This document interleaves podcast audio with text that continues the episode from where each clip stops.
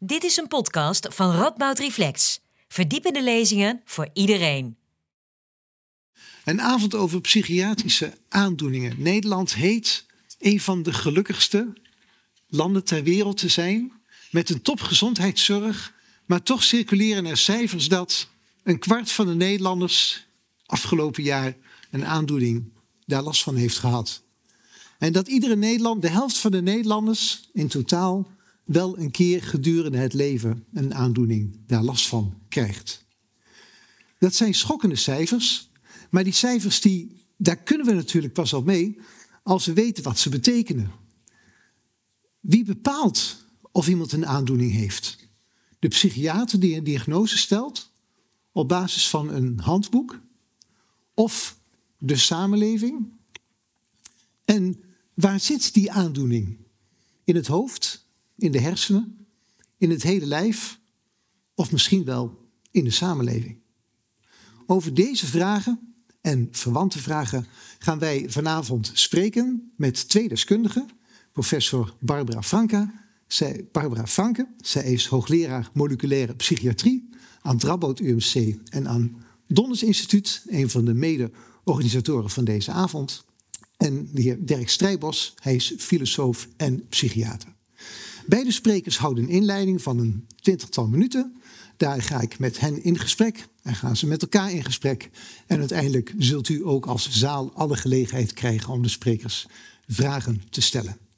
En om half tien houden we op hoe interessant het dan ook nog wezen mogen. Ik geef graag allereerst het woord aan professor Barbara Franke, hoogleraar moleculaire psychiatrie. Hartelijk dank. Heel fijn om hier te zijn. Uh, welkom allemaal, ook van mijn kant. Ik ben bioloog, moleculair bioloog. En ik zal u iets vertellen over de moleculaire en de biologische kant van psychiatrische aandoeningen. Even kijken of we dit van start kunnen krijgen. Psychiatrische aandoeningen, meer dan alleen hersenproblemen. En mijn, de mijne is het biologisch perspectief hierin. Nog een keer terug, Marcel zei het net al. Ongeveer de helft van de wereldbevolking krijgt tijdens zijn leven te maken met een psychiatrische aandoening. Vaak zijn dat depressies, uh, angststoornissen. Maar ook ADHD bijvoorbeeld komt heel vaak voor. Posttraumatische stressdisorder, et cetera, et. Er zijn er veel van. En 75% van dit soort aandoeningen ontstaat al vroeg in het leven, in de kindertijd, uh, in, in, het vroege volwassen leven. En 75% voor de leeftijd van 25 jaar. En in veel gevallen zien we dat uh, een, een, aandoening ofwel lang blijft bestaan, ofwel uh, de gevoeligheid voor de aandoening blijft bestaan. En meer, ja, bijvoorbeeld depressie kent meerdere episodes vaak in het leven. Wat je vaak hoort over psychiatrische aandoeningen is van het zit in de familie. Mijn vader heeft het gehad of uh, mijn oom heeft iets, et cetera, et cetera. Dus vaak komt het in families voor. Nou, en als je dat tegen een bioloog zegt, dan denkt een bioloog gelijk van hé, hey, zit daar iets? Zit daar iets met erfelijkheid? En dat is inderdaad zo. Dat is onderzocht voor psychiatrische aandoeningen. En veel van de psychiatrische aandoeningen zijn inderdaad sterk erfelijk bepaald. Nou, hier staat dan 74% bij ADHD, 60 tot 90% voor autisme, um, depressie 40%. En dit soort getallen komen voort uit uh, onderzoek bij tweelingen. En wat we dan doen is dat we uh, een-eigen tweelingen die genetisch identiek zijn, vergelijken met tweelingen, twee-eigen tweelingen die, die net zoals broer en zus uh, um, uh, over het algemeen ongeveer 50% van hun erfelijk materiaal delen. op basis van die vergelijking kunnen we zien of een-eigen tweelingen vaker een aandoening delen, dus ook allebei een aandoening hebben, dan twee eigen tweelingen. En dat geeft ons informatie over de betrokkenheid van uh, genetica bij zo'n aandoening. Nou, wat betekent dat nou? Wat betekent nou erfelijkheid van psychiatrische aandoeningen? Als we over erfelijkheid spreken, dan denken we heel vaak aan aan dit soort uh, scenario's, waar een genetisch defect aanwezig is bij iemand, een mutatie noemen we dat ook, die direct gekoppeld is aan een, uh, een ziekte. Dus iedereen die die mutatie heeft, die heeft ook de ziekte. Is dat bij psychiatrische aandoeningen ook zo? Wat denkt u? Ik zie mensen die het hoofd schudden. Nee? Nee. Nee, dat klopt. Dat is niet zo. Dit is niet het model wat we bij psychiatrische aandoeningen hebben. Bij psychiatrische aandoeningen is het bij de meeste mensen in elk geval zo dat er uh, veel genetische varianten zijn. En elk van die genetische varianten zijn in principe redelijk uh, onschuldig. Ieder geeft maar een heel klein uh, stukje extra risico op het ontstaan van psychiatrische aandoening. Maar hoe meer je van dit soort genetische varianten hebt, des te groter is het risico dat je ook een, een, psychiatrische aandoening hebt of krijgt. Nou, wat, wat betekent dat nou in de praktijk? Of wat gebeurt er vervolgens? Hoe leidt een genetische een genetische aanleg, de aanwezigheid van uh, genetische varianten tot een psychiatrische aandoening.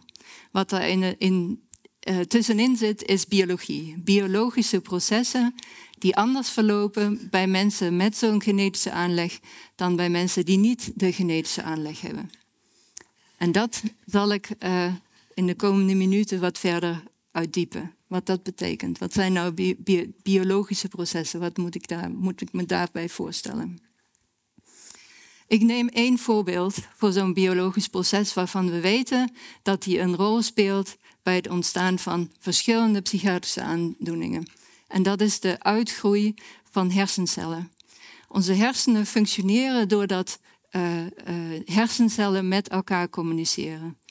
Hersencellen brengen uh, wat wij um, met onze zinnen uh, zien, horen, uh, ruiken naar binnen.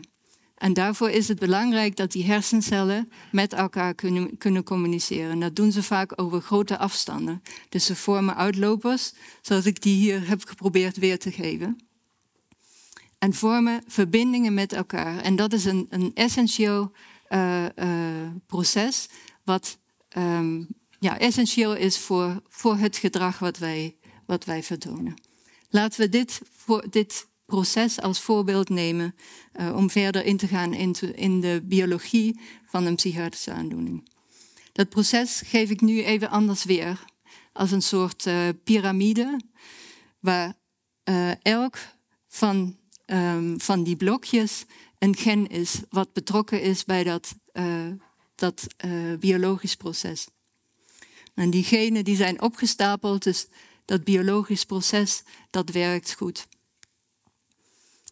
Als je nou uh, een, een, gen hebt waarin een genetische variant zit, uh, die dat gen net wat, wat minder goed laat functioneren, dan zie je dat um, dit torentje wat minder stabiel wordt. In dat gen zit een genetische variant die dat torentje, dat biologisch proces, iets minder stabiel maakt. En hoe meer van die um, driehoekjes je in zo'n uh, piramide hebt zitten, desto instabieler wordt dat biologisch proces. Wat belangrijk is voor, uh, uh, voor het functioneren van onze hersenen, voor het functioneren van, of van, voor het gedrag wat wij laten zien. Wat gebeurt er nou met die cellen die, die met elkaar moeten communiceren, die die uitlopers moeten vormen. Nou, je zou, zou je kunnen voorstellen dat die uitlopers van sommige van die cellen net te kort worden, niet lang genoeg om de volgende cel te bereiken. Of dat ze te langzaam groeien en daardoor te laat in de ontwikkeling van ons brein uh, hun partner bereiken. Of dat ze in de verkeerde richting groeien en met, met andere partners waar ze eigenlijk niet uh, mee zouden moeten communiceren, com uh, uh, connecties vormen. Dat zijn mogelijkheden waarop het zo'n uitgroei van zo'n hersencel mis kan gaan. Nou zal dat heel vaak goed gaan en bij sommige cellen misgaan. Het is dus niet zo dat door de, die, die genetische aanleg voor een psychiatrische aandoening alle communicatie, alle uh, verbindingen tussen hersencellen niet goed worden aangelegd. Maar dat zijn voorbeelden hoe het, hoe het op dat moment mis kan gaan in sommige cellen.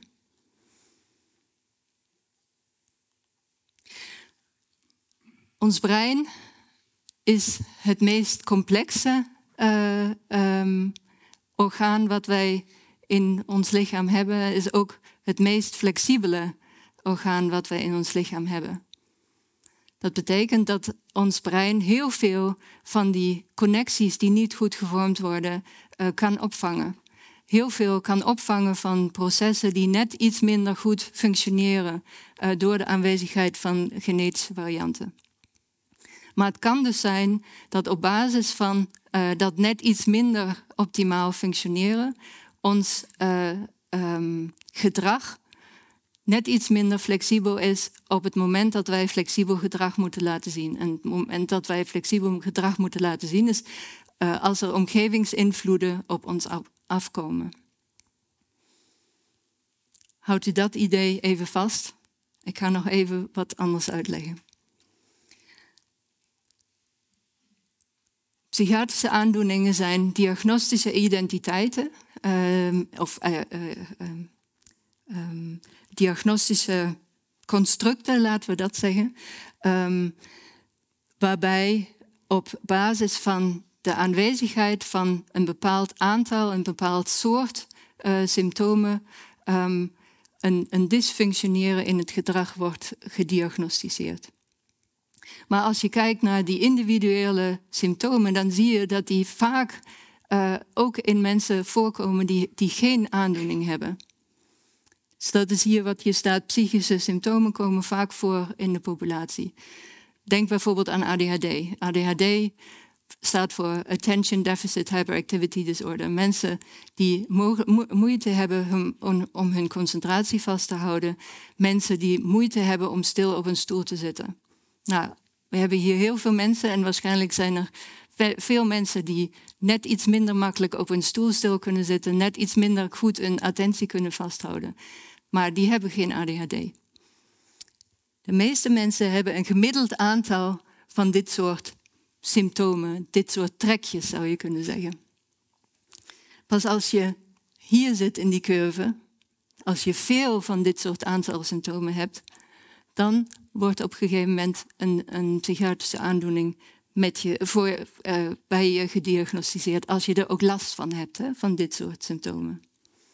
En die drempelwaarde die wij stellen voor het geven van een psychiatrische diagnose is, een, uh, is, is door mensen vastgelegd. Het is geen biologische entiteit, het is door mensen vastgelegd. Wanneer vinden wij dat mensen um, um, lijden uh, en hulp zouden moeten krijgen? Uh, die mensen krijgen, geven een diagnose op basis van het aantal symptomen en het impairment, het, het lijden wat erbij komt. Dus de meesten onder ons hebben uh, een, heel aantal van die psychische symptomen. Um, maar een klein aantal of een bepaald aantal uh, zit over die um, drempelwaarde heen op een bepaald moment in hun leven.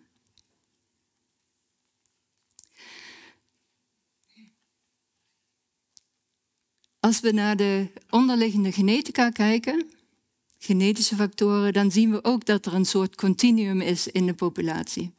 Genetische risicofactoren voor psychiatrische aandoeningen komen ook vaak bij mensen voor zonder dergelijke aandoeningen. Maar hoe meer van die genetische variaties je, je draagt, des te hoger is je risico um, om een, een, een psychiatrische aandoening te krijgen. En dat zie je hier nogmaals in die curve. Dus hier is nu in plaats van het aantal symptomen, het aantal genetische varianten getoond, bijvoorbeeld voor ADHD. En hoe meer je daarvan hebt, des te groter wordt je kans om ADHD te hebben. Dat kan ik ook uh, laten zien op een andere manier, hier aangetoond. Um, de hoeveelheid uh, symptomen, of, of hoeveelheid sorry, erfelijke factoren die je hebt voor ADHD in dit geval.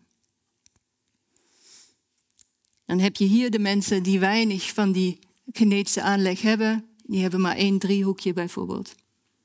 En aan de andere kant hebben de mensen die veel van die genetische aanleg hebben, uh, waar dat hele gebouw, dat biologische proces, niet meer zo stabiel is.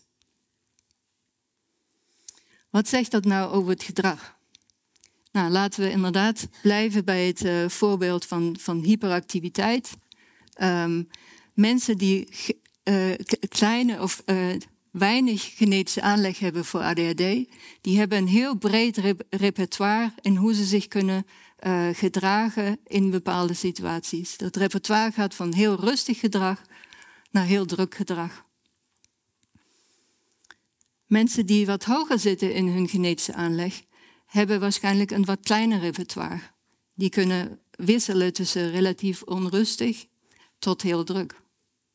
En als je heel hoog zit, dan wordt je spectrum aan mogelijkheden om je te gedragen um, nog kleiner. Zit je van matig druk tot heel druk. Nou, we hebben tot nu toe alleen maar gehad over erfelijkheid, over biologie. Is dat dan alles wat bij psychiatrische aandoeningen een rol speelt? Wat denkt u? Vast niet, inderdaad.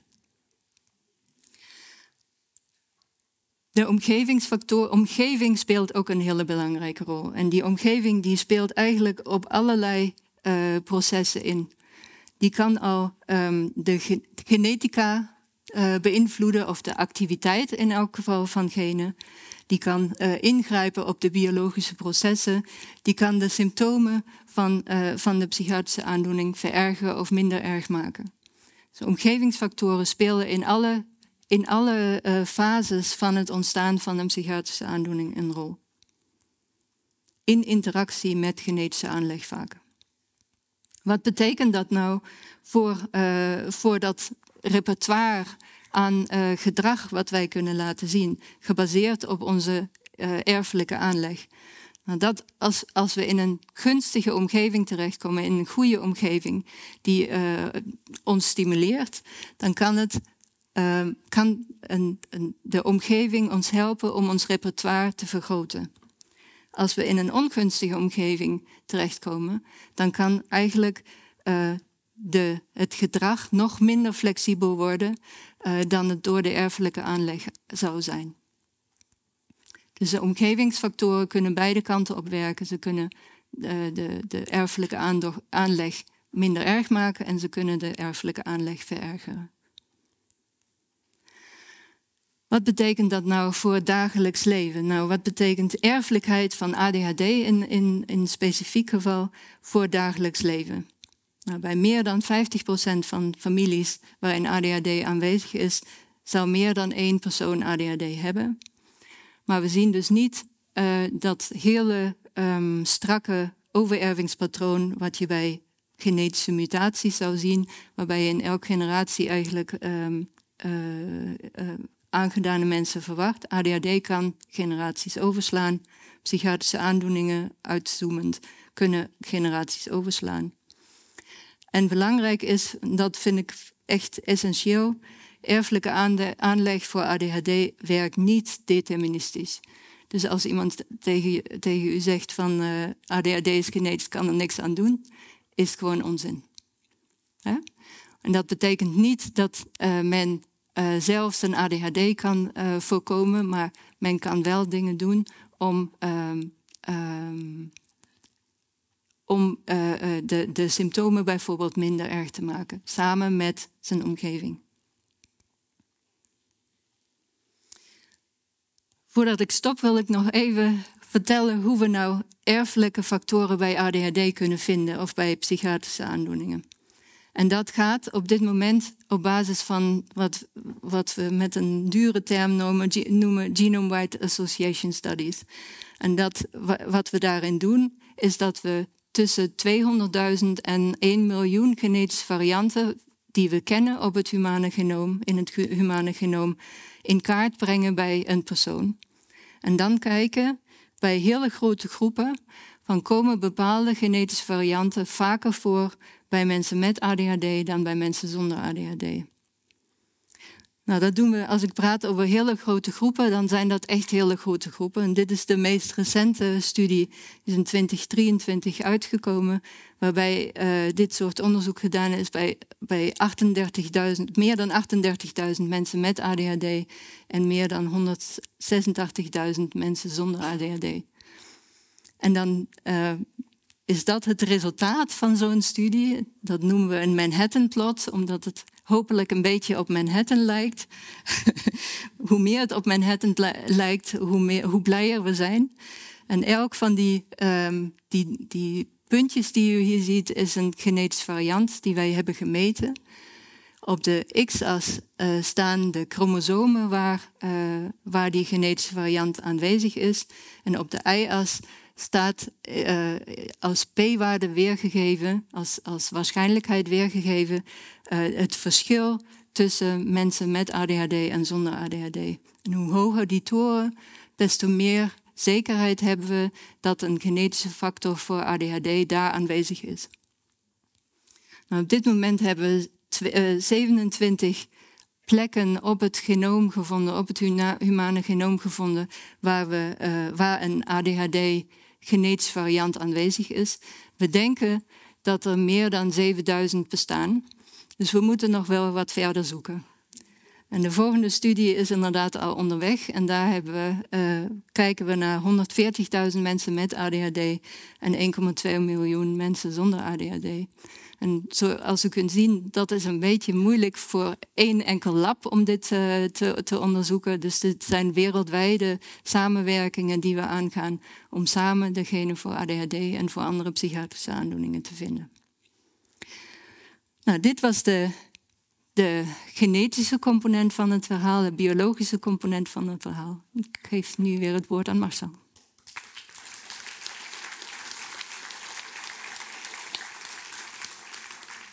Dank u wel voor uw uh, genuanceerde, heldere betoog waarbij blokkendozen en Manhattans werden gebruikt om iets uit te leggen over deze ingewikkelde materie. U kunt gaan uh, zitten en luisteren met ons allemaal naar Dirk Strijbos. Uh, u bent filosoof, verbonden aan de afdeling filosofie van de Rabot Universiteit. En daarnaast bent u voor het levendeel van de week psychiater. Dus ik verwacht van u een reflectie op de behandelpraktijk. Het woord is ja, Dirk Strijbos. Kijk aan, dankjewel. Dankjewel Marcel. Eens even zien. Oh, dit was niet mijn plaatje, maar dit is wel mijn plaatje.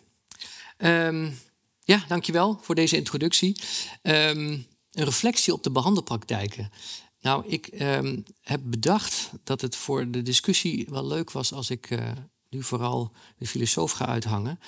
Maar wel uh, met uh, aandacht voor de psychiatrische praktijk, waar ik uh, veel mee te maken heb. Um, ik wil even beginnen met dit, de complexe werkelijkheid. Want um, het is natuurlijk een beetje een dooddoener om te zeggen dat het allemaal heel complex is. Maar als je doorkrijgt hoe complex het is, dan ga je daar toch wel even van duizelen. Want kijk, dit is een, uh, een plaatje dat ik vond over uh, allerlei epigenetische processen. Dus hoe omgevingsfactoren van invloed zijn op genexpressie en hoe dat kan bepalen hoeveel, uh, hoe, hoe, cellen uiteindelijk kunnen veranderen. Barbara liet net al zien hoe bepaalde ehm, hersencellen langere of kortere vertakkingen kunnen krijgen, meer of minder. En dat kan bij sommige mensen ertoe leiden dat bepaalde neurale netwerken wat actiever zijn of wat minder actief. Maar die breinen die zitten ook in mensen, zoals bijvoorbeeld studenten hier op deze campus. En dat zijn mensen die um, uh, een nieuwe levensfase ingaan, die allemaal bijzondere ervaringen meemaken, een relatie krijgen, een relatie gaat stuk. Ze hebben allemaal hun eigen levensgeschiedenis meegemaakt en die brengen ze mee. Uh, ze gaan iets studeren waarvan ze hopen dat het hen iets gaat brengen. Um, uh, ze leven in een cultuur waarin er bepaalde dingen van hen verwacht worden. Bepaalde manieren van studeren en bepaalde andere manieren worden misschien minder gewaardeerd. Um, sommige van die mensen die komen dan uh, toch in de problemen. Ze lijden. Ze hebben last van bijvoorbeeld depressie of van burn-out klachten, van angstklachten, paniek. Misschien ontwikkelen ze wel psychotische klachten. En dan komen ze bij de GGZ terecht. En de professional bij de GGZ die probeert ze naar eer en geweten uh, te begrijpen en te behandelen. Je probeert een diagnose te stellen waarin je eh, als het eh, even lukt, samen met de cliënt of patiënt tot een verhaal komt. Wat is er nou aan de hand met mij? Ehm, en dat probeer je ook te doen in de taal van de patiënt, zodat eh, hij of zij daar zelf iets mee kan. maar dat doe je wel, gegeven allerlei culturele artefacten die wij aangereikt krijgen. Ehm, manieren hoe het hoort om te leven, hoe het misschien niet hoort om te leven. Bepaalde narratieven die we hebben meegekregen toen we groot werden. En de professional die is ook Um, uh, die probeert met behulp van wetenschappelijke inzichten, met behulp van klinische ervaring en klinische kennis, daar uh, een zo congruent mogelijk verhaal van te maken om uiteindelijk iemand te kunnen helpen. Um, en deze hele praktijk wordt vervolgens ook nog heel erg gekleurd en bepaald door allerlei uh, sociaal-maatschappelijke, sociaal-culturele en ook sociaal-politieke factoren. Wij mogen straks weer naar de stembus en er staat best wel wat op het spel. Niet alleen voor de GGZ, maar ook voor de universiteit. De manier hoe de GGZ-professional zijn of haar werk kan doen, uh, wordt heel erg bepaald door de manier hoe de zorg is ingericht, hoe de zorg gefinancierd wordt.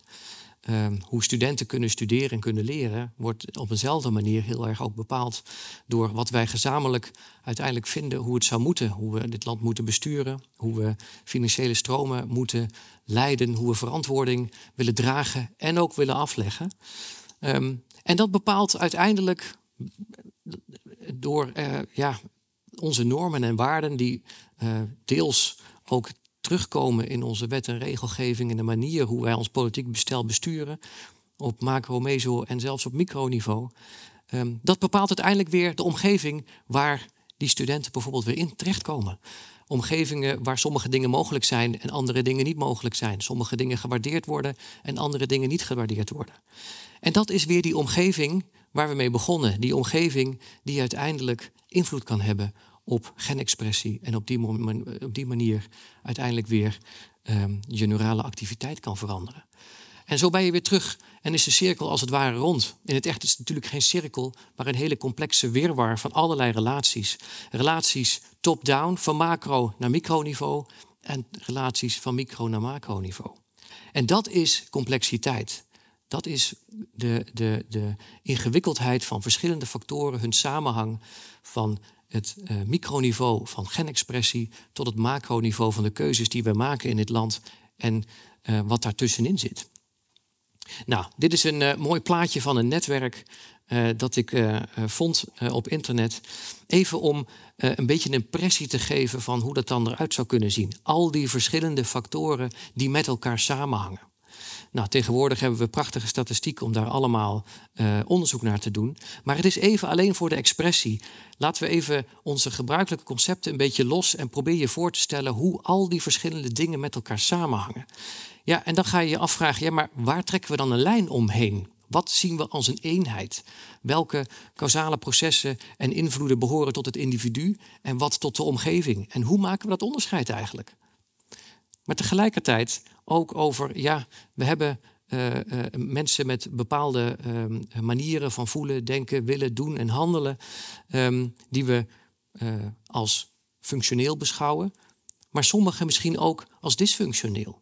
En de vraag is dan, op welke grond bepalen we dat? Wat is dan ehm, de, de reden en wat zijn de argumenten om te zeggen dat iets functioneert of dysfunctioneert? En zo kom ik uiteindelijk tot de vraag: wat is een psychische aandoening? Ik gebruik hier het woord psychische aandoening, omdat psychiatrische aandoening vind ik een beetje een gekke term, omdat het, um, het gaat uiteindelijk om een aandoening die uh, te maken heeft met de psyche en niet met de psychiatrie, zou ik hopen. Um, wat bedoelen we met deze vraag? Dat is uh, de eerste uh, uh, belangrijke vraag die ik dan zou willen stellen. Want je kunt hier verschillende interpretaties aan geven. Um, je kunt je afvragen, en zo wordt deze vraag wel eens eh, geïnterpreteerd: wat is de oorzaak en op welk niveau moeten we die oorzaak vinden? Moeten we oorzaak vinden op neurobiologisch niveau? Moeten we het zien op meer op psychologisch niveau? Of moeten we het meer op sociaal-maatschappelijk niveau zien?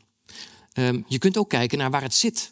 He, Marcel gaf daar in de introductie al um, uh, zei daar al wat over. Zit een, zit een psychische aandoening ergens? Zit het in het hoofd, in het brein of zit het in uh, het lichaam? Zit het in het leven van iemand? Is een aandoening eigenlijk een soort patroon, een patroon waar je in vastraakt. Een patroon van interactie tussen jezelf uh, en allerlei onderdelen van jezelf uh, uh, en anderen en de omgeving waar je in vastraakt en waar je zelf niet uit kunt komen. Um, of, zoals sommige mensen ook wel eens zeggen, is de maatschappij ziek. dit is een vraag waar we zo meteen verder op in zullen gaan. Wat onderscheidt het? Wat onderscheidt een psychische aandoening, de ene psychische aandoening, van de andere psychische aandoening? Maar ook, wat onderscheidt een aandoening van normaliteit? Wat maakt een aandoening tot iets wat um, abnormaal en uh, zelfs een stoornis mag heten? En dit is ook een belangrijke vraag die soms wel eens bedoeld wordt met deze generieke vraag: wat is een psychische aandoening? Wat betekent het? En met name, wat betekent het voor mij als ik het heb? Wat betekent het uh, uh, al die bijzondere en buitengewone ervaringen die ik heb, het lijden dat ik ervaar. En een meer een existentiële vraag die veel mensen hebben is: oké, maar hoe verhoud ik mij dan tot wat ik heb? Um, de vraag die de autismegemeenschap bijvoorbeeld verdeelt, is de vraag of je moet zeggen dat je een autist bent of dat je autisme hebt. Mensen ervaren dat verschillend. En dat is interessant, want het betekent ook, en dat zie je in de dagelijkse klinische praktijk veel, mensen moeten op een of andere manier tot verstaan komen van wat er met hen aan de hand is. En hoe we het labelen en hoe we het duiden en wat we uitleggen, is, kan daar heel erg bepalend voor zijn. Goed, wat is een psychische aandoening dus? Um, wat ik nu wil doen is vier posities schetsen Um, uh, die je in de, in de uh, literatuur vaak tegenkomt. En niet alleen in de filosofische literatuur, maar ook in de media. Over wat is nou de grond waarop we beslissen wat een psychische aandoening is.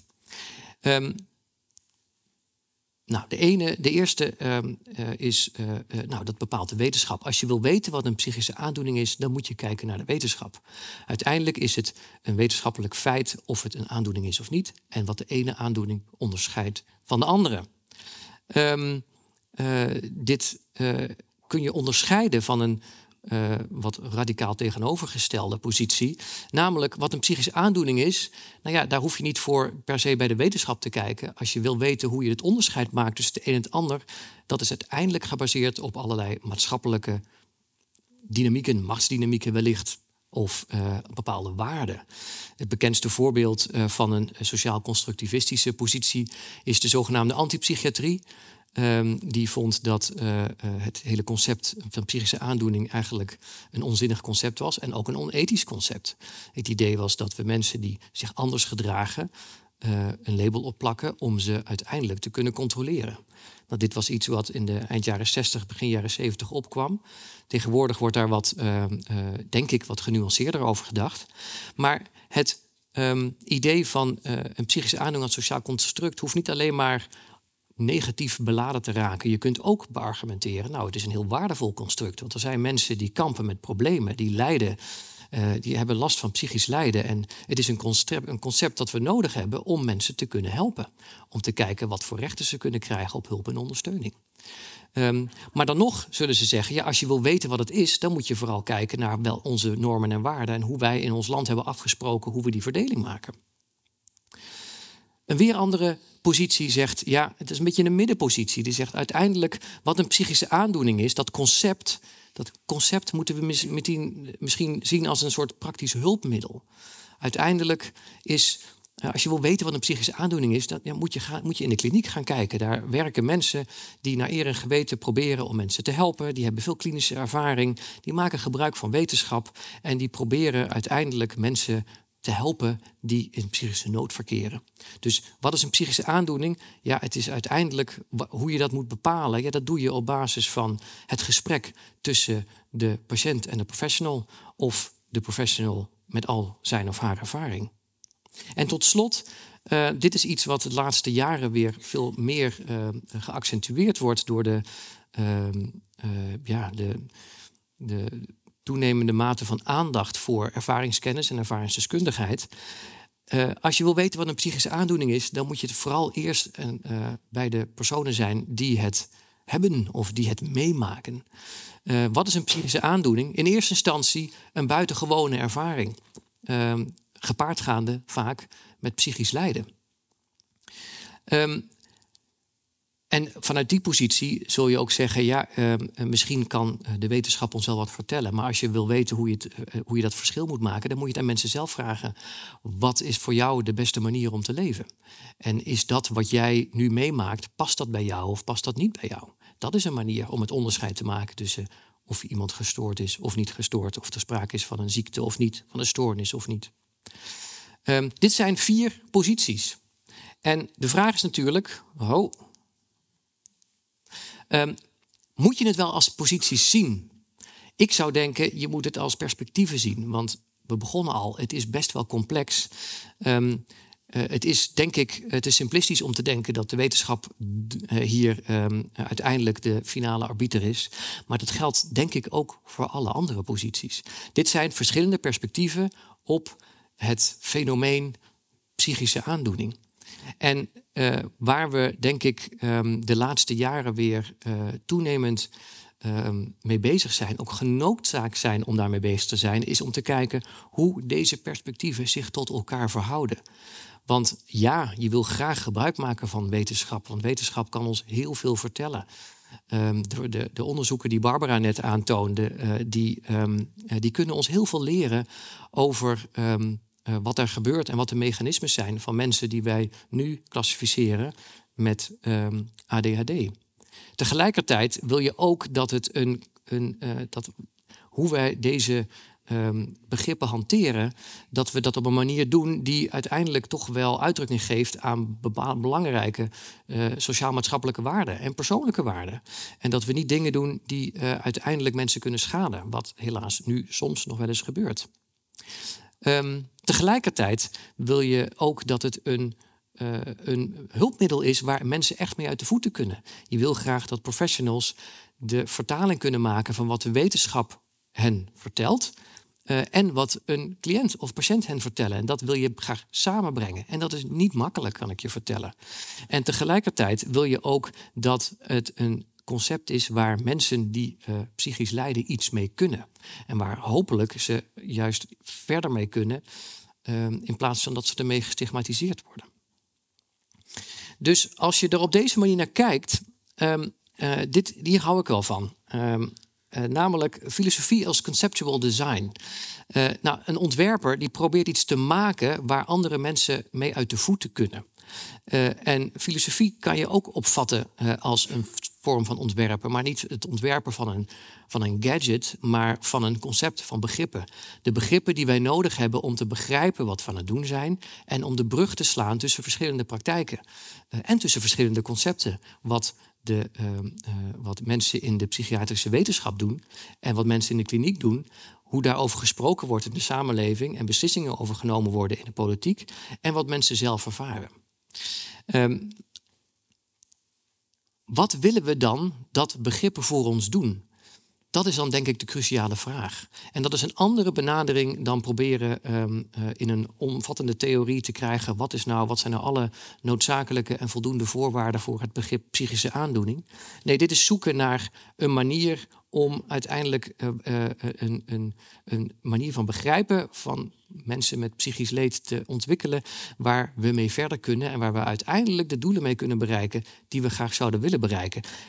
Wat zijn dat dan voor doelen? Ik heb het mensen wel eens gevraagd. Ik doe eh, vaak mee aan workshops waar allerlei mensen bij elkaar zitten. Dat zijn filosofen, klinici, ontwerpers, um, uh, uh, patiënten, uh, mensen, bestuurders. Om eens te kijken, goh, wat zouden we nou willen dat zo'n concept psychische aandoening, wat, dat, wat zou dat dan moeten doen? Nou, dan krijg je dit soort antwoorden. Um, nou, mensen helpen die psychische problemen hebben, maar ook professionals in staat stellen om goed hun werk te kunnen doen. Het terugdringen van stigma op psychisch lijden, dat is iets wat um, uh, uh, gelukkig weer onder de aandacht komt. Want helaas is het zo dat de concepten die wij gebruiken heel vaak nog steeds stigmatiserend zijn. Um, mensen helpen betekenis te geven aan hun psychisch lijden vanuit een basale menselijke waardigheid. Um, dat betekent ook dat je misschien moet kijken naar hoe geven wij psycho-educatie op dit moment. Een juiste balans vinden tussen onder- en overmedicaliseren. Nou, daar lezen jullie misschien wel veel over in de media. Er zijn ook veel boeken over geschreven. Um, uh, zijn we niet te veel bezig om mensen uh, die um, uh, moeite hebben met het leven een, psychiatrisch label op te plakken. Maar anderzijds, ja, maar we moeten zeker ook niet ondermedicaliseren. Want mensen die hulp nodig hebben, moeten dat wel kunnen blijven krijgen. Um, het wetenschappelijk onderzoek stimuleren en inzichten optimaal benutten en een brug slaan tussen de wetenschappen onderling en de klinische praktijk. Dit, nou, je kunt er waarschijnlijk, als ik het jullie zo even vraag, kunnen hier nog heel wat andere desiderata bij uh, komen. Um, en ik denk dat de grote uitdaging voor ons is, als je nou vraagt wat is een psychische aandoening, is om deze perspectieven te combineren tot een evenwichtig en genuanceerd idee over wat het is. Um, en dan zou ik denken dat dat niet betekent dat een psychische aandoening een hersenaandoening is. Ook niet dat het een sociaal construct is, maar dat het te maken heeft met een kwetsbaarheid die zorgt ervoor dat iemand in interactie met zijn omgeving uiteindelijk niet goed in staat is om aan bepaalde behoeften te voorzien. En dan kun je aan heel veel verschillende knoppen draaien. Dan kun je draaien aan uh, knoppen die te maken hebben met het individu. En dat kan op psychologisch niveau en op neurobiologisch niveau. Maar je kunt ook draaien aan knoppen in het systeem waar iemand vandaan komt, in het onderwijssysteem waar iemand vandaan komt, in de omgeving waar iemand voornamelijk in verblijft. Um, en dat uh, noopt tot bezinning, denk ik. Hier wou ik het bij laten. Dankjewel.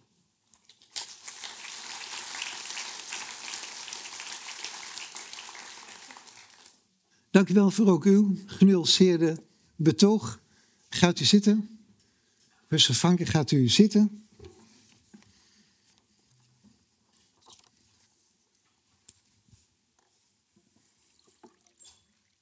Uh, professor Vanken, als ik met u mag, uh, mag beginnen.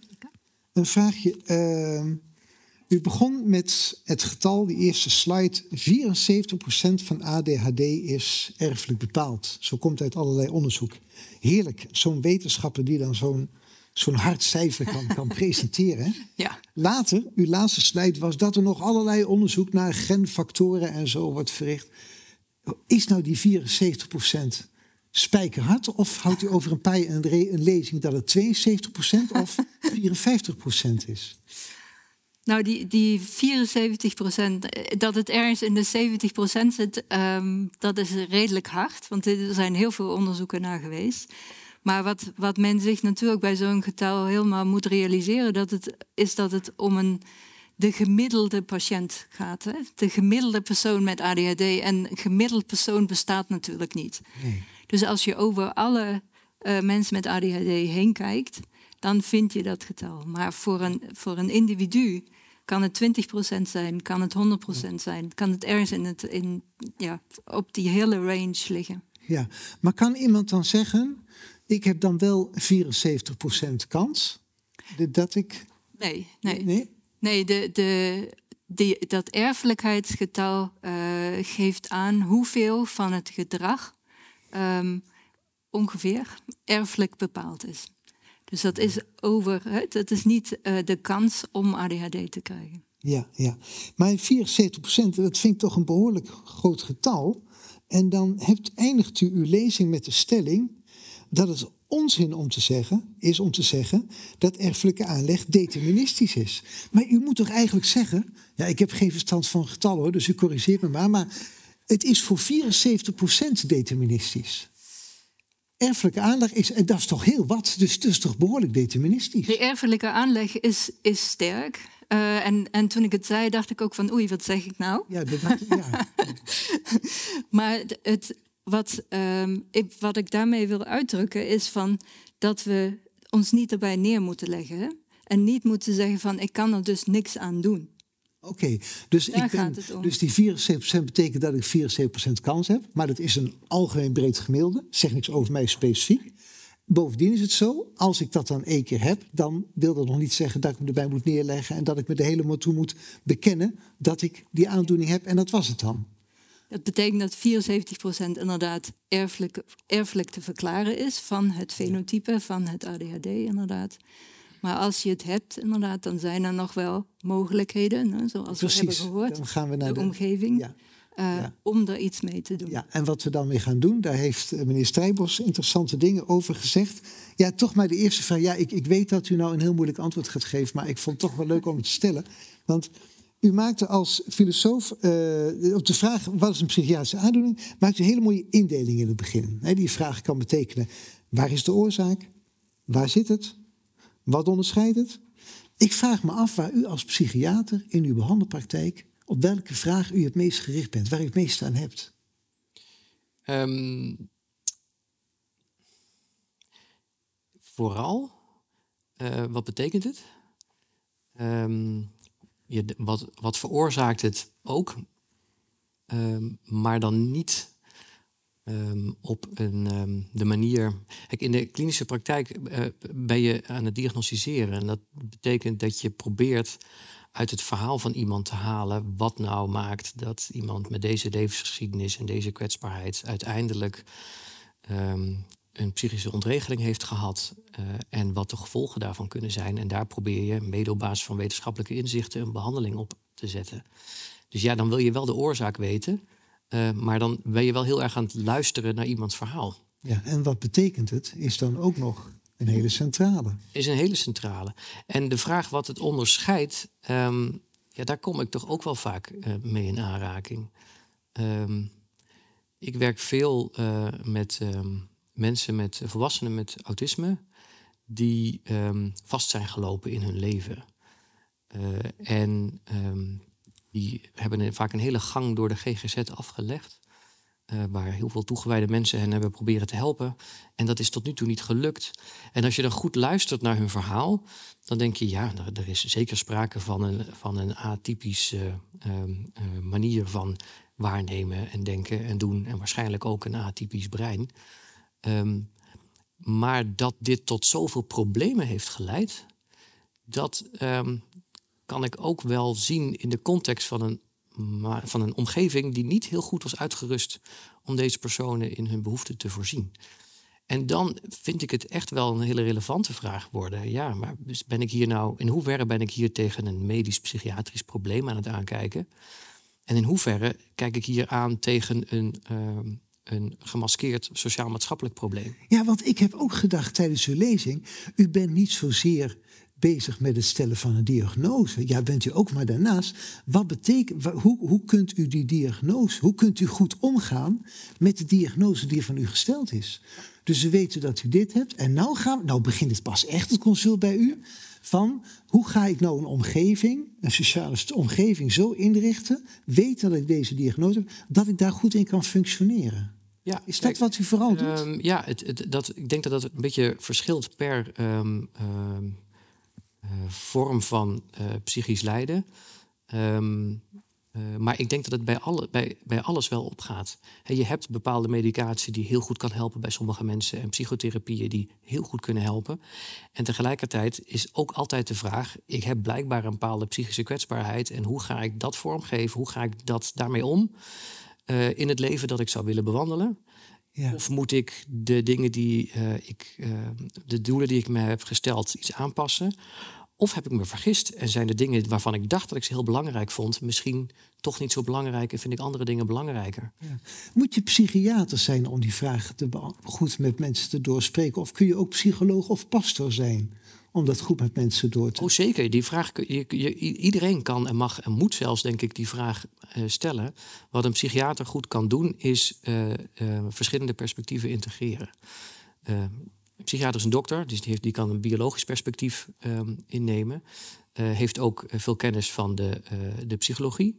Um, en ehm, kan, als het goed is, ook een bepaalde maat van empathie tonen. En zich proberen de juiste vragen te stellen en op de juiste manier contact te maken, zodat je mensen in staat stelt om hun verhaal te vertellen.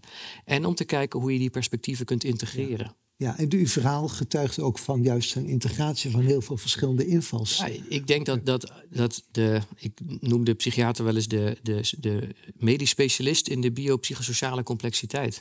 Juist omdat je uh, als geen ander weet hoe je die complexiteit moet, uh, kunt benaderen. Ja, Maar dan toch, ja, dus leuk om die vraag te stellen als er een wetenschapper tussen ons in zit. Je zou toch verwachten, want u gaf ook zo'n mooi kwadrant, hè? Wat was ook in het kwadrant? Sociaal construct, buitengewone ervaring, praktisch hulpmiddel, wetenschappelijk feit. Je zou toch verwachten dat met die enorme toename van wetenschappelijke kennis, nu tot op genniveau, dat toch het steeds meer als wetenschappelijk feit wordt gezien. Want die wetenschappen die leveren toch niet voor niet steeds meer kennis aan. Nou, ik, ik ben er, ik, ik ben. Um, uh, ik ben heel blij met wetenschap. Ik ben zelfs ook, zelf ook een wetenschapper. Ehm, en uh, ik denk dat wetenschap ons ontzettend helpt om de mechanismen en causale structuur van deze wereld een beetje te helpen begrijpen. Um, het is alleen iets wat je vervolgens. Uh, kijk, het is wel interessant. Hè? We, je, kunt. Um, uh, als je kijkt naar alle varianten uh, van um, hersenactiviteit of van um, alle genetische varianten, die kun je allemaal in kaart brengen. Je kunt kijken hoe dat samenhangt met allerlei, hoe dat correleert met allerlei psychische eigenschappen of mentale activiteit. Daarmee is de vraag nog niet beantwoord wat iets tot een stoornis of niet maakt. Dus de vraag op basis waarvan wij bepalen of iets functioneert of dysfunctioneert, um, dat is zeker daar waar het gaat om onze mentale activiteit, is dat veel ingewikkelder. En denk ik dat je daar veel meer perspectieven voor nodig hebt dan bij uh, sommige um, uh, lichamelijke aandoeningen. Ja, zullen we dat de wetenschapper eens vragen? Ja, of die dat met ja, ja, ja, inderdaad. Want, want wat, wij, wat wij in de wetenschap steeds meer, meer zien en ook begrijpen, is dat je in principe heb je geen genen voor ADHD of geen genen voor depressie. Je hebt genen die uh, uh, bijdragen aan bepaald gedrag, wat je. Uh, wat maakt dat je meer risico loopt om ADHD te krijgen, om depressie te krijgen. Dus het is allemaal veel kwantitatiever en veel minder.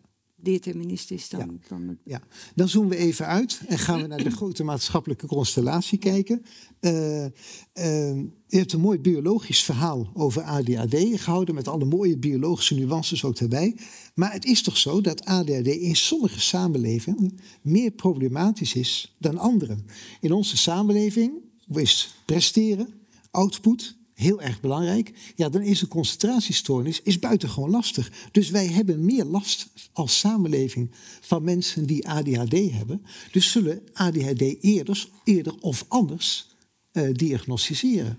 Hebben wij last? Als samenleving. Hebben de mensen uh, die, die ADHD, ja, maar wij die ADHD ja, trekken, hebben beide, last? Want wij hebben er als samenleving ook last van als die mensen niet zo goed output leveren. Ja, maar, nou, ik denk dat het echt wel om de persoon zelf moet gaan. Oké, okay, ja. Uh, en niet zozeer om de, om de samenleving. Natuurlijk, die samenleving die, die drukt ons in bepaalde normen, hè? Ja. Uh, in bepaalde omgevingen. Uh, die mogelijkerwijs voor mensen die aanleg hebben voor ADHD moeilijker te zijn. Moeilijk, ja. Moeilijker zijn om zich in. Ja. En deze samenleving doet dat meer dan andere samenlevingen? um, op een bepaalde manier misschien wel. Uh, bij ons staan inderdaad de, de, de inattentie, hè, de, de, het component uh, van ADHD meer op de voorgrond. Op andere momenten of in andere culturen kan de, de, de hyperactiviteit een be belangrijkere rol spelen. Dat zal van, dus inderdaad bij, van ja, de omgeving ja. Dus in de ene DSM komt te staan hyperactiviteit. Ja. En dan in de DSM, een versies verder, komt dan de, de attentie. Nee, als. die hebben, die, die hebben gelukkigerwijs uh, redelijk vastgelegd. Dus de DSM en de ICD. Die komen nog niet helemaal over, uh, met elkaar overeen. Maar um, in verschillende culturen wordt, wordt op dezelfde manier hopelijk naar ADHD gekeken. Je ziet ook dat in elke cultuur waarin het is onderzocht, ADHD uh, een probleem is voor ja. mensen. Oké, okay, dus dat is toch wel een vrij universeel als ja. probleem. Ja. Ja. Meneer Strijbos, kent u een voorbeeld van een ziekte die in de ene cultuur meer anders wordt gezien dan, en die überhaupt als stoornis wordt gezien dan, een dan in een andere cultuur? Nou ja, ik, ik ben geen um, cultureel antropoloog, dus ik vind het moeilijk om daar um, uh, up-to-date uitspraken over te doen. Um, kijk, er zijn, nou, iemand met psychose die uh, buitengewoon ervaringen heeft en luid op straat staat te oreren. Dat is iemand waarmee we in deze samenleving op een bepaalde manier mee omgaan. We bellen de politie. Uh, want deze man veroorzaakt overlast. Um, er zijn ook culturen um, waarin uh, hier anders naar gekeken wordt. En waarin misschien uh, dit um, ook anders gewaardeerd wordt. Daarmee zeg ik niet dat zo iemand niet lijdt. Want ik ben het helemaal eens met wat Barbara zegt. Uiteindelijk, in ieder geval mijn doktershart zegt... ik wil dingen doen en strijden in het belang van eh, de mensen die eh, psychisch lijden en die hulp nodig hebben. Maar de manier hoe we ergens mee omgaan, de manier hoe we het framen, en ehm, die bepaalt wel, denk ik, hoe we ermee omgaan. Ehm, en wat ik wel interessant vind, uh, de, de, de, zogenaamde neurodiversiteitsbeweging, die, um, die volg ik wel een beetje. Ik weet nog zelf nog niet precies wat ik er mee aan moet, maar ik vind het wel heel interessant. Want daar wordt gekeken of um, uh, juist misschien wel met uh, gebruik van alle wetenschappelijke kennis die we hebben op het gebied van de neurowetenschappen, om te zien hoe er heel veel variatie is in neurobiologisch functioneren.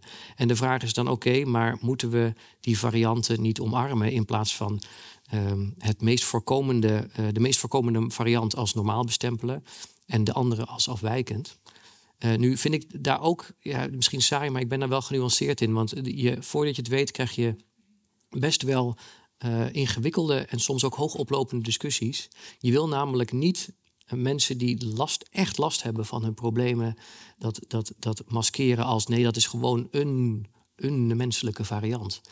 En te... Neurodiversiteit zegt dus dat eigenlijk alles, alles normaal is. Hè? Nee, dat je... ja. Dat, dat, dat, daar heb je verschillende, verschillende aspecten van. Maar het is wel interessant om te zien dat er um, uh, binnen de autismegemeenschap heb je daar een grote discussie over. Uh, dat zogenaamde hoogfunctionerende autisten zich vaak, uh, um, of sommige daarvan in ieder geval, hun manier van zijn, van waarnemen, van denken en doen niet als een stoornis ervaren, maar als een andere manier die niet gefaciliteerd wordt.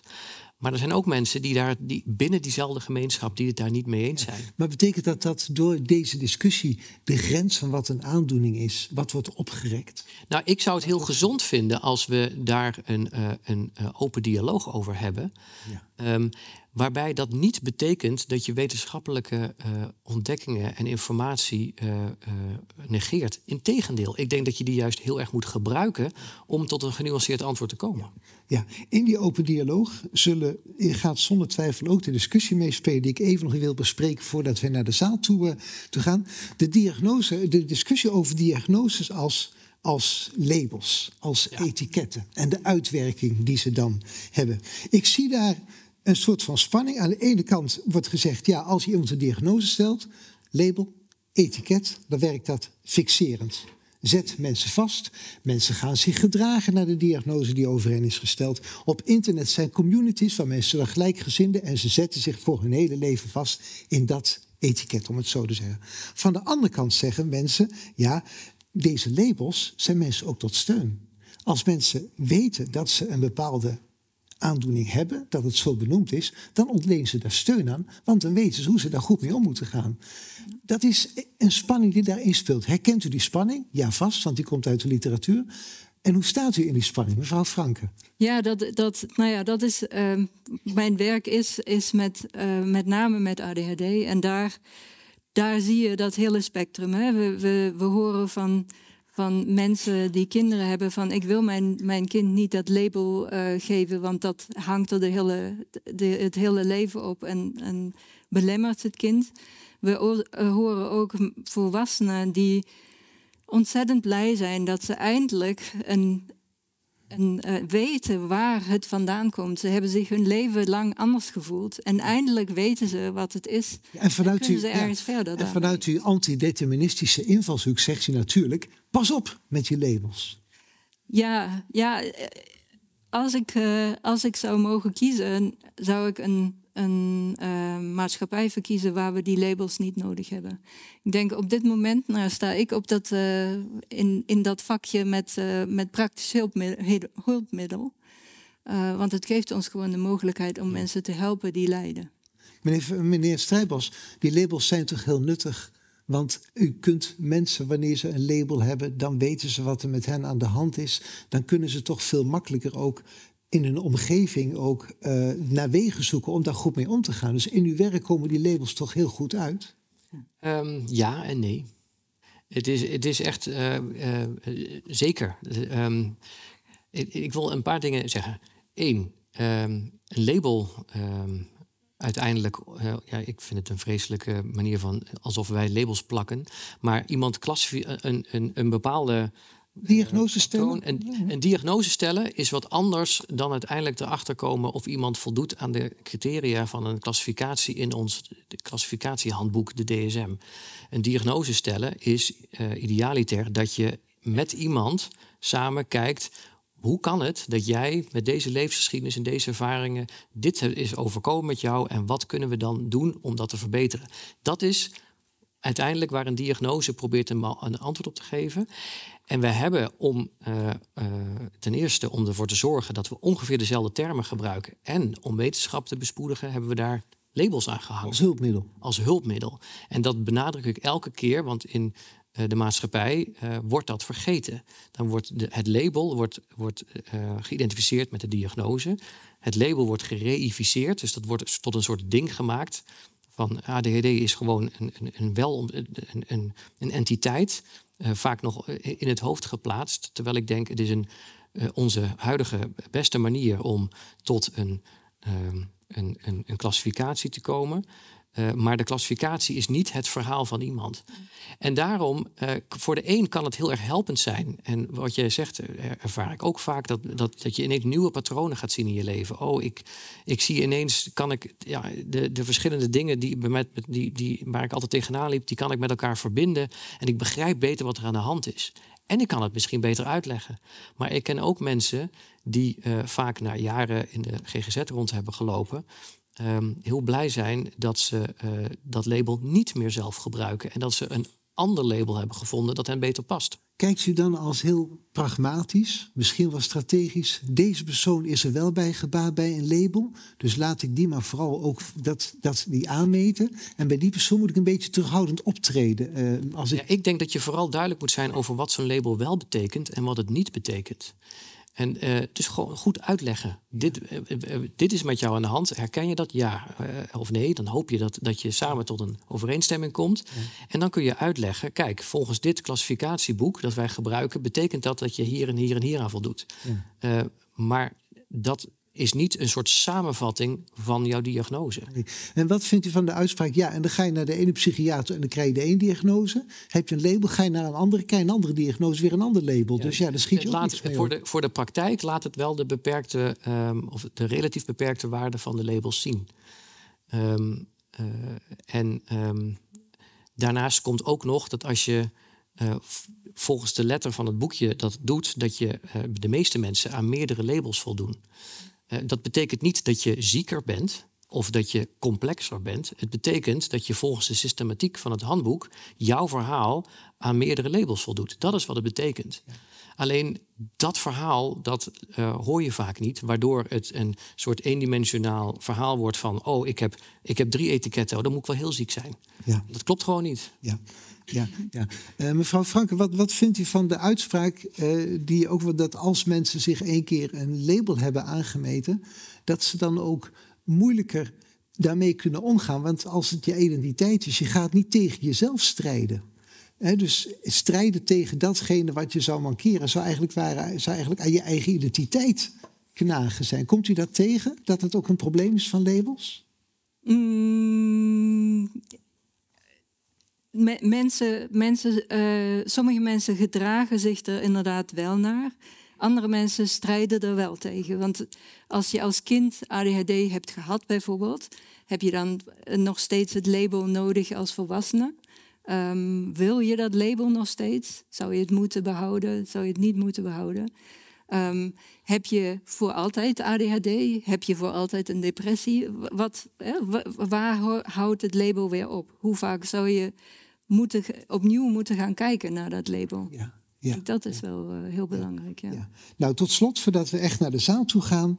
Uh, uh, enige tijd geleden, twee jaar geleden, was Damian de Nijs.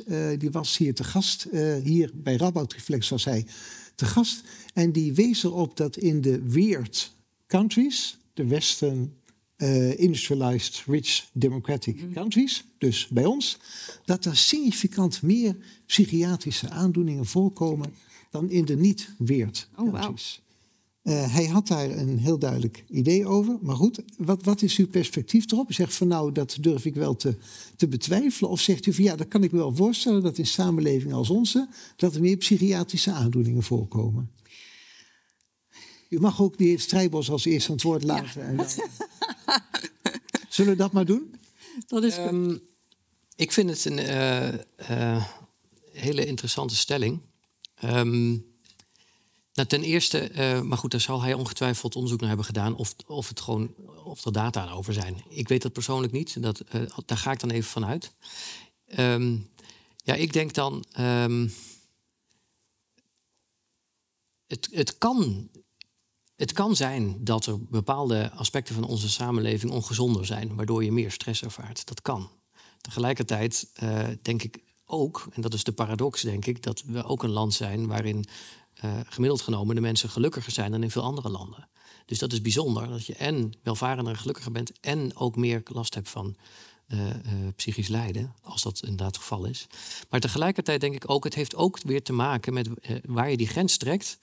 Ehm, eh, dat, ehm, en hoe een samenleving omgaat vervolgens met mensen die, eh, die afwijken. eh, of die in ieder geval varianten vertonen die anders zijn dan het gemiddelde. Dat is denk ik wel cruciaal. Ehm, dus Ja. ik ben, ik ben heel benieuwd, en dat, maar goed, dat weet ik gewoon niet, want ik, ik weet niet veel van, van niet-westerse culturen. Maar ik ben heel benieuwd hoe er in eh, eh, andere culturen omgegaan wordt met mensen met. ehm, eh, nou, misschien dat jij daar iets over kunt vertellen, over ADHD, maar of met mensen met psychose. Ehm, eh, of, ehm, eh, en hoe, dat is ook nog zoiets, hoe je wat, wat een, een, een psychisch probleem zo interessant maakt, mede, is dat het, het hoe je je to- ertoe verhoudt, soms mede onderdeel wordt van het probleem. En dat is heel erg cultureel bepaald. Want dat, wordt, dat doe je op basis Ja. van de culturele En constructen doen die wij het en doen de weird countries het goed? Eh, Doen de, wat dat punt. Ik denk en dat we, is dat we, ik denk dat we het niet. ehm, ehm, we doen heel veel dingen goed, maar niet alles. Ik denk dat we. ehm, eh, eh, ik denk dat wat we goed doen is mensen die eh, eh, psychisch lijden, dat we daar wel. we kunnen veel hulp bieden. We kunnen vaak veel meer hulp bieden dan in andere landen. Tegelijkertijd denk ik dat we eh, op bepaalde punten ook ehm, eh, op een verkeerd moment eh, interveneren. En dat we het in de verkeerde context doen. Ik denk dat heel veel problemen al veel vroeger in de levensfase aangepakt zouden moeten worden. Ik denk ook dat veel sociaal-maatschappelijke problemen nu uiteindelijk toch meer in het medische domein komen waar ze niet hoeven te zitten. En ik denk dat het beter zou zijn om, als je iemand een psychisch probleem heeft, om alles tegelijk aan te pakken. Dus ook de armoede, die heel veel stress geeft. En eh, de, de, ehm, de, de eetgewoonten die ook zijn ingesleten doordat er weinig geld En is. daar moet de psychiater... Dat moet zeker geen psychiater doen, want een psychiater maar- kan dat helemaal Maar niet. die mag dat wel benoemen. Die, die mag Die- moet dat steunen dat ze daar... Nou ja, je zou willen dat je, dat je ehm, eh, een netwerk van zorg en ondersteuning om iemand heen kunt, kunt eh, creëren. Zodat je kunt zeggen, eh, goh, ik wil een maatschappelijk werker betrekken, want ik denk dat dat nodig is. Ja. Ik zou daar graag meer over vragen, maar u hebt daar een schitterende tekst over geschreven. Als u zijn naam googelt, dan zult u op een hele mooie tekst waar precies dit punt naar voren wordt gehaald. Dus hoeven we nu met de heer Strijbers niet over in te gaan. U hebt lang genoeg Ik tijd gehad om na te denken, dus nou mag u, eh, nou mag u van wal. Nou, één factor die, die daarbij ook een hele grote rol speelt, ehm, en Dirk sprak het, sprak het ook al een beetje aan, is de verzorging in die landen. hè. Want, want de, de psychische gezondheidszorg in veel landen is veel slechter georganiseerd dan die bij ons is. En een groot gedeelte van de lagere hoeveelheid psychische aandoeningen daar, ik vind het, de term psy- psychische aandoeningen ook mooier, ehm, komt ook door, door het feit dat, het, dat er gewoon niet genoeg experts zijn om daarnaar te kijken. Plus het feit dat in sommige landen het stigma zo groot is dat mensen gewoon met een psychische aandoening niet naar een, een, een specialist, een dokter gaan. Ja. Als Damian de Nijs nog een keer naar Nijmegen gaat, dan gaan we lekker met Ja. u beiden in gesprek brengen. Dat lijkt me een schitterende avond eh, te worden. Goed, eh, ik neem niet aan dat er onder u veel mensen met eh, ADHD zijn, maar ik constateer wel dat u ontzettend stil Ja. en geboeid hebt zitten luisteren. Of dat voor uw leerproces goed was, dat weet ik verder niet. Dat kunnen we dan weer vragen. Maar dat komt vast ook door de geweldige genuanceerde, maar hele rijke inbreng van beide sprekers. Een applaus voor u beiden en dank voor uw aanwezigheid.